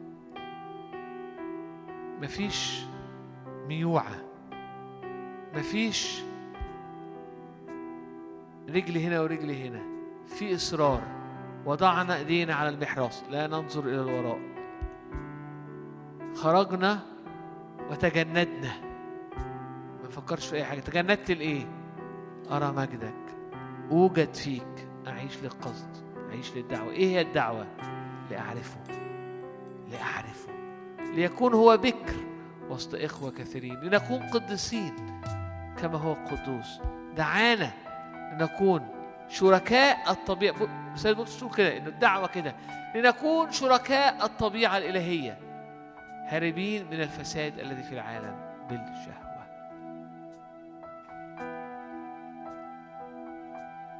يا رب إحنا بنقف قدامك النهارده.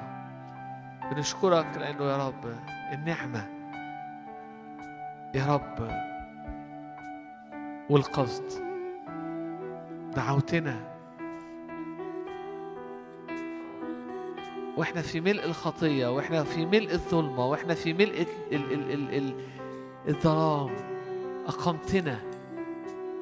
قال لهم ليس لأنكم أعظم شعب ليس لأنكم أفضل شعب ليس لأنك فيك حاجة.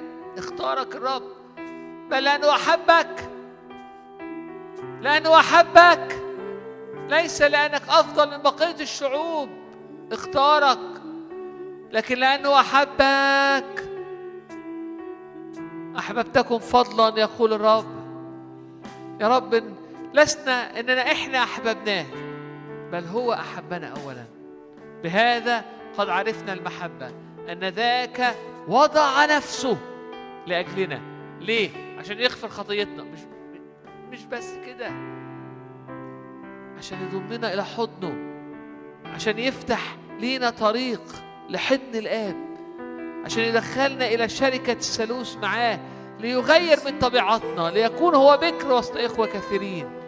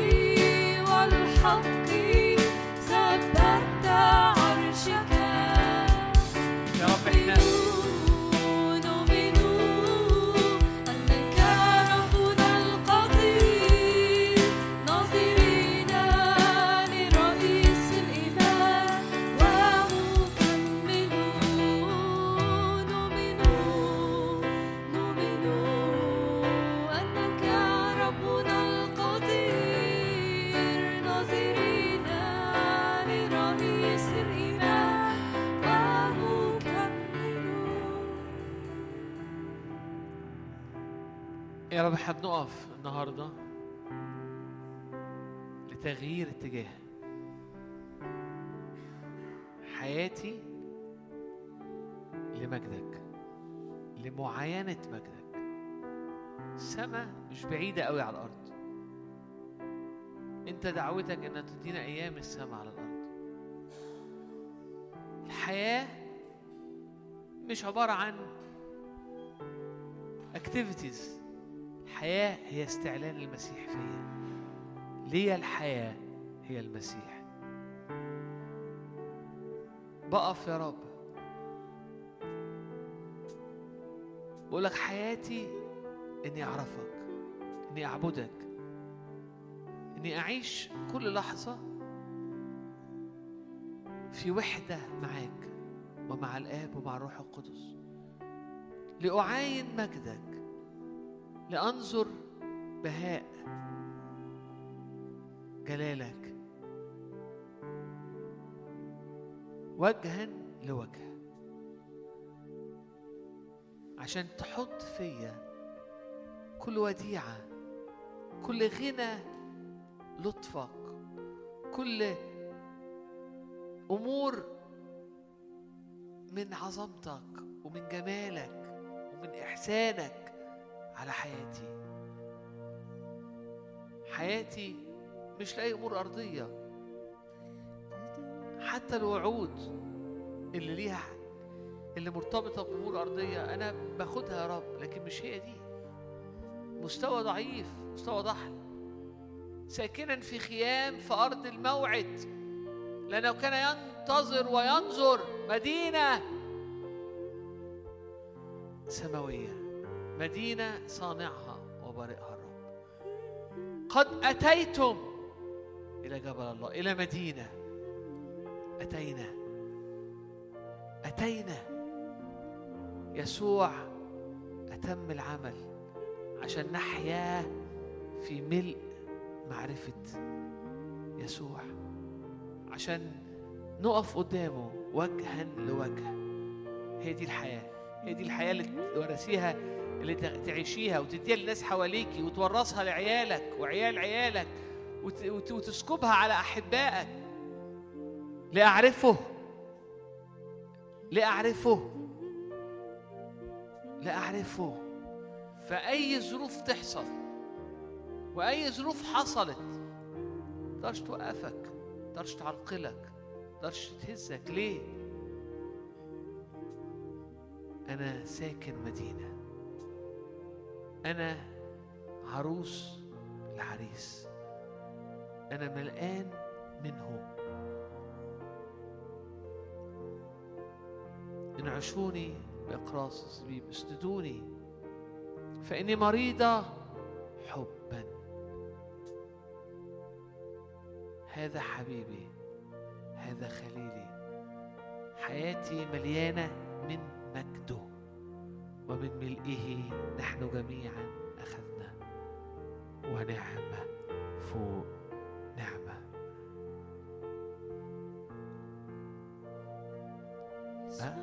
أغلى صديق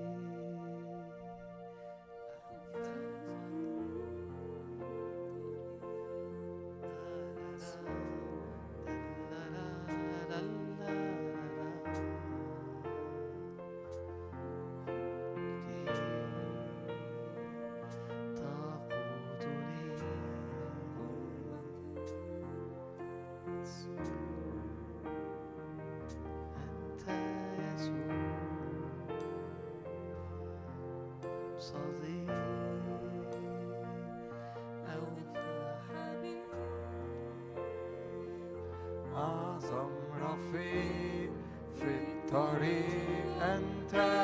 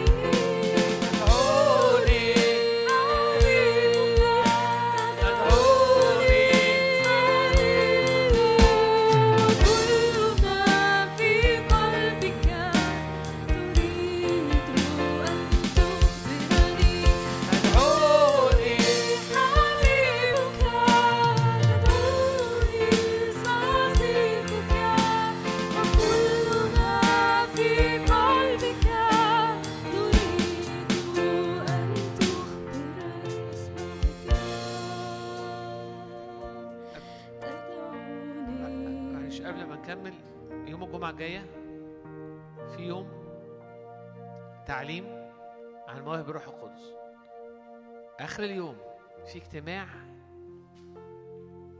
للمسحة والإمباورمنت عشان تفعيل مواهب الروح القدس في حياتك. استغلى المسحة. استغلى الحضور. ده مش مسلسل. ده مش ماتش. تجمعات الاجت- الاجتماعات مش حادث اجتماعي. انت بتفوته وبتجي استغلى العمل. For such قال لها كده لوقت مثل هذا. لوقت مثل هذا. أنا ناديتك أنا دعيتك. وقبليها عديتك. الحاجات اللي بتعمل بتعمل وإحنا مزنوقين. ولكن في حاجة بتزوق جوانا إنه يبقى في حاجة بتحصل هنا عشان إعداد الرب للجسد بتاعه لشعبه. فاستغل العمل وكلم الناس اللي بتيجي مكسلة وشجعها. لأنه لأنه في ناس كتيرة بتكسل. لما بتيجي بعد وقت ويحصل معاها حاجة أقول لها أنت ما بتجيش ليه؟ يقول لك أنا ما أعرفش إيه اللي بيحصل لي. نفسي حد ياخدني كده ويجيبني. فأنت مش بتخليه يعمل حاجة هو مش عايزها هو مش عارف يجي. عشان في حاجات ضغط عليه بيلاقي نفسه ما جاش. كل ما يجي يقول لك أنا عايز أجي كل مرة مش عارف أعمل إيه. هنكمل عبادة. عايز صلاة. اطلع لي على الخط الأحمر ده. صلي معاك ده ثواني. صلي صلاة هتحد معاك فيها. هنقول للرب أرني مجدك أرني وجهك. عايز أشوفك عايز ده يكون محور حياتي. You are أنت هو حياتي. You are my only hope. أنت أملي أنت رجائي. والحقيقة الكتاب قال كده المسيح فيكم رجاء المجد. رجاء واحد الخط الأحمر. الخط الأحمر كله. اللي عايز يطلع أنا همشي بعد عشر دقايق. فمحتاج صلاة اطلع دلوقتي على طول. مش قول اطلع هنصلي في دقايق صلاة سريعة. بليز لو محتاج صلاة اقف من دلوقتي هنمشي في خلال عشر دقايق. تحب تصلي معايا؟ صلي معاك؟ وديفيد يصلي معانا؟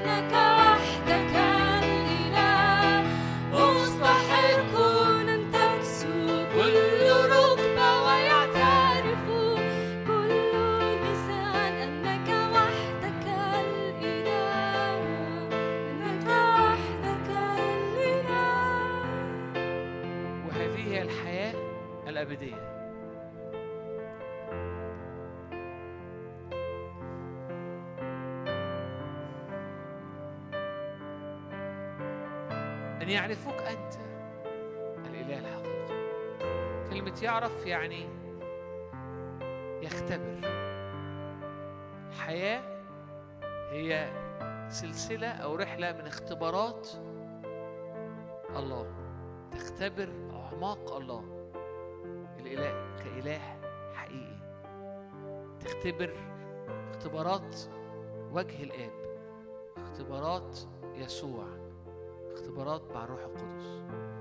وهذه الحياة الأبدية أن يعرفوك أنت الإله الحقيقي ويسوع المسيح الذي أرسلته. To know to يعني to يعني تختبر. اختبار ولا اختبار ولا اختبار. عشان كده بولس فضل يقول لأعرفه. لأعرفه. بعد سنين من المسيرة لأعرفه. الرب ما بيخلص. يقول لك inexhaustible ما تخلصوش. He is inexhaustible يوجد أكثر. يوجد أعمق. يوجد في أوسع. يوجد مجد أعلى. ما تخلص ما تعرفش تخلصه. Inexhaustible God.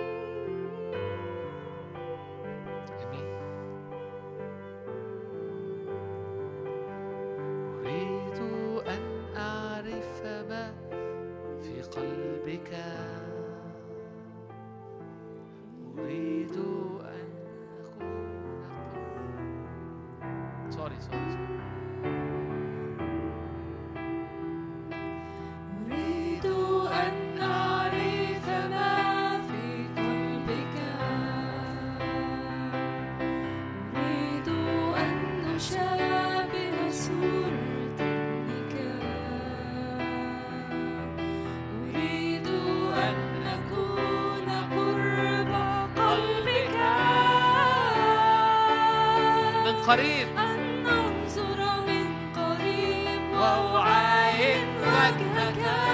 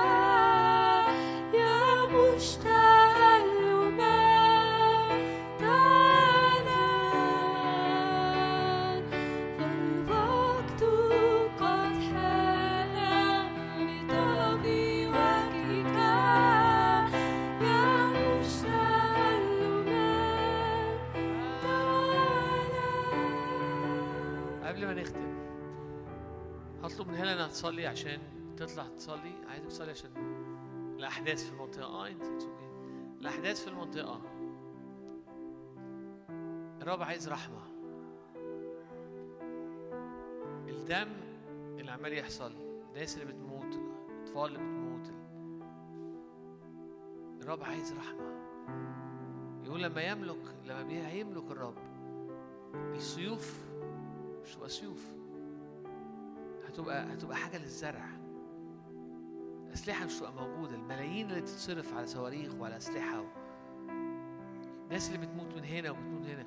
في أشرار لكن في كتير ناس أبرياء بتموت. في ناس كتير أبرار بتموت. الأرض عمالة تشرب دم ناس أبرياء. عايزين نقف في الأرض نقول يا رب. تعالى برحمة. تعالى بحلول. تعالى يا رب على على الشعوب. تعالى واعلن عن مجدك. تعالى في وسط تعالى بحصاد كم تعالى يا رب. لأنه أنت يا رب إله محب رحيم.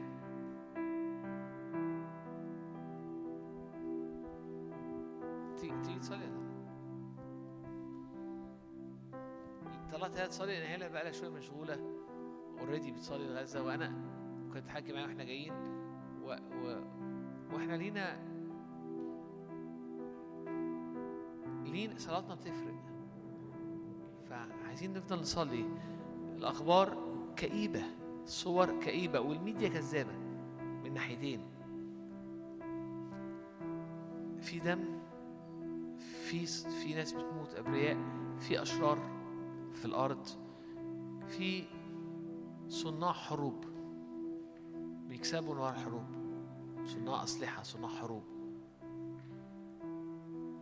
الرب عايز رحمة وعايز يجري العدل في الأرض.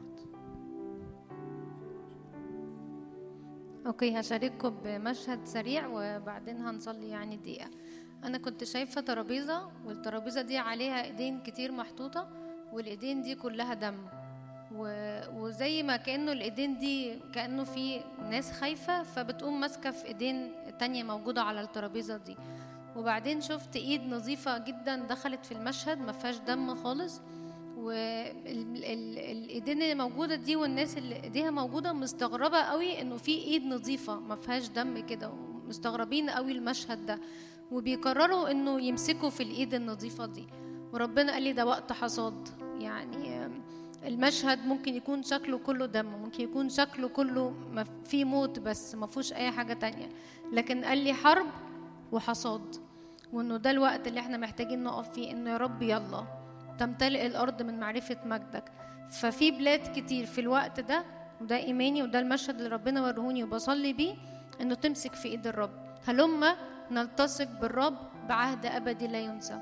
هلما نصعد إلى جبل الرب. ليه؟ عشان نفهم الرب بيقول إيه عشان نفهم الأحداث دي بتقول إيه عشان نفهم الرب عنده واقع تاني غير الواقع الأرضي اللي مليان موت وهلاك. فتعالوا نتحد كده ببعض لأنه ايماني زي ما كان شادي بيشارك إحنا بنصنع تاريخ والرب بيعمل فينا كل التغيير ده عشان نقف ونغير غيرة الرب إنه لا يبقى موت بل حياة. يا رب أنا بشكرك لأنك لا تصر يا رب بموت يا رب حد في الوقت ده يا رب. لا لا موت لحد يا رب قبل الميعاد يا رب. لا تصر بموت حد يا رب مليان خطية ولسه مش عارفك يا رب. يا رب بنمتحد يا رب إنه تمتلئ الأرض من معرفة مجدك يا رب. كما تغطي المياه الأرض. وبنعلن يا رب إنه الناس يعرفوك يا رب ان البلاد دي يعرفوك. أنت الإله الحقيقي وحدك ويسوع المسيح الذي أرسلته. بنتحد يا رب. وأنت قلت كده إنه اتحدنا يا رب على حاجة والحاجة دي بحسب مشيئتك تحصل. بنعلن ليأتي ملكوتك يا رب. بنعلن ليأتي ملكوتك على الوضع ده يا رب. كما في السماء يا رب على أرضنا يا رب. على أرضنا يا رب على أرضنا. وقف يا رب لكل موت يا رب وقف لكل استنزاف يا رب وقف لكل دم بيحصل يا رب. تريد أن الجميع يخلصون وإلى معرفة الحق يقبلون. يعرفوهم يعرفوك أنت الإله الحقيقي وحدك من صغيرهم لكبيرهم. كل واحد يعرفك يا رب. افتح عينين يا رب الناس دي فتشوفك.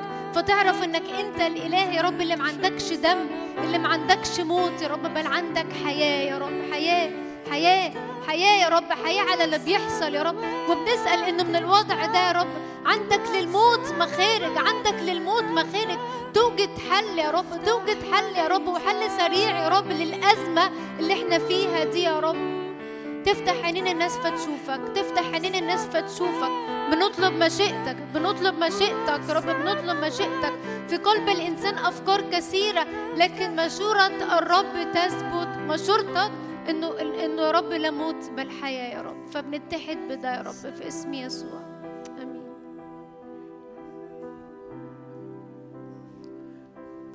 عايزين نصلي يا رب نصلي الأحلام ورؤى. يا رب. أطفال شباب شيوخ يا رب في الأرض يا رب اللي بتعاني يا رب في غزة يا رب في, في, في إسرائيل في, في المنطقة دي يا رب يظهر. الناس ترى رؤى ترى أحلام. يأتي الرب ويقف بمجده ويعلن سلام ويعلن حق ويعلن نور. يا رب نفتح يا رب عليهم يا رب أجواء السماء. تعالى يا رب واعلن عن نفسك. صلي عشان أحلام. صلي عشان أحلام. صلي عشان رؤى. صلي عشان يسوع يأتي. يأتي يأتي للناس وهي في في أصعب وفي أحلك الأوقات. يأتي يسوع. رجاء الأمم. رجاء الأمم. يأتي الرب. يأتي الرب. يأتي الرب. تعالى رب أحلام. تعالى رب رؤى. تعالى يا رب على الناس يا رب آه، في أوقاتها الصعبة يسوع يظهر يسوع يظهر يسوع يظهر يسوع يظهر ويعزي يسوع يظهر وينور يسوع يظهر ويشفي يسوع يظهر ويقود في اسم يسوع. يا باسم يسوع يا رب افتح يا رب آه، آه، الناس يا رب على نفتح على المكان يا رب إمكانية وطاقة يا رب لإعلان يسوع. لإعلان حب السماء يا رب لكل الناس اللي موجودة للأشرار وللأبرار يا رب للي طالبين وجهك يا رب والناس يا رب البعيدة خالص اللي مش طالباك يا رب يا رب للناس اللي إيديها طهرة والناس اللي إيديها ملوثة يا رب دم بريء. تعالى يا رب واظهر تعالى وقف يا رب تعالى واعلن عن نفسك في اسم يسوع تعالى واعلن عن نفسك بأحلام وبرؤى في اسم يسوع. آمين.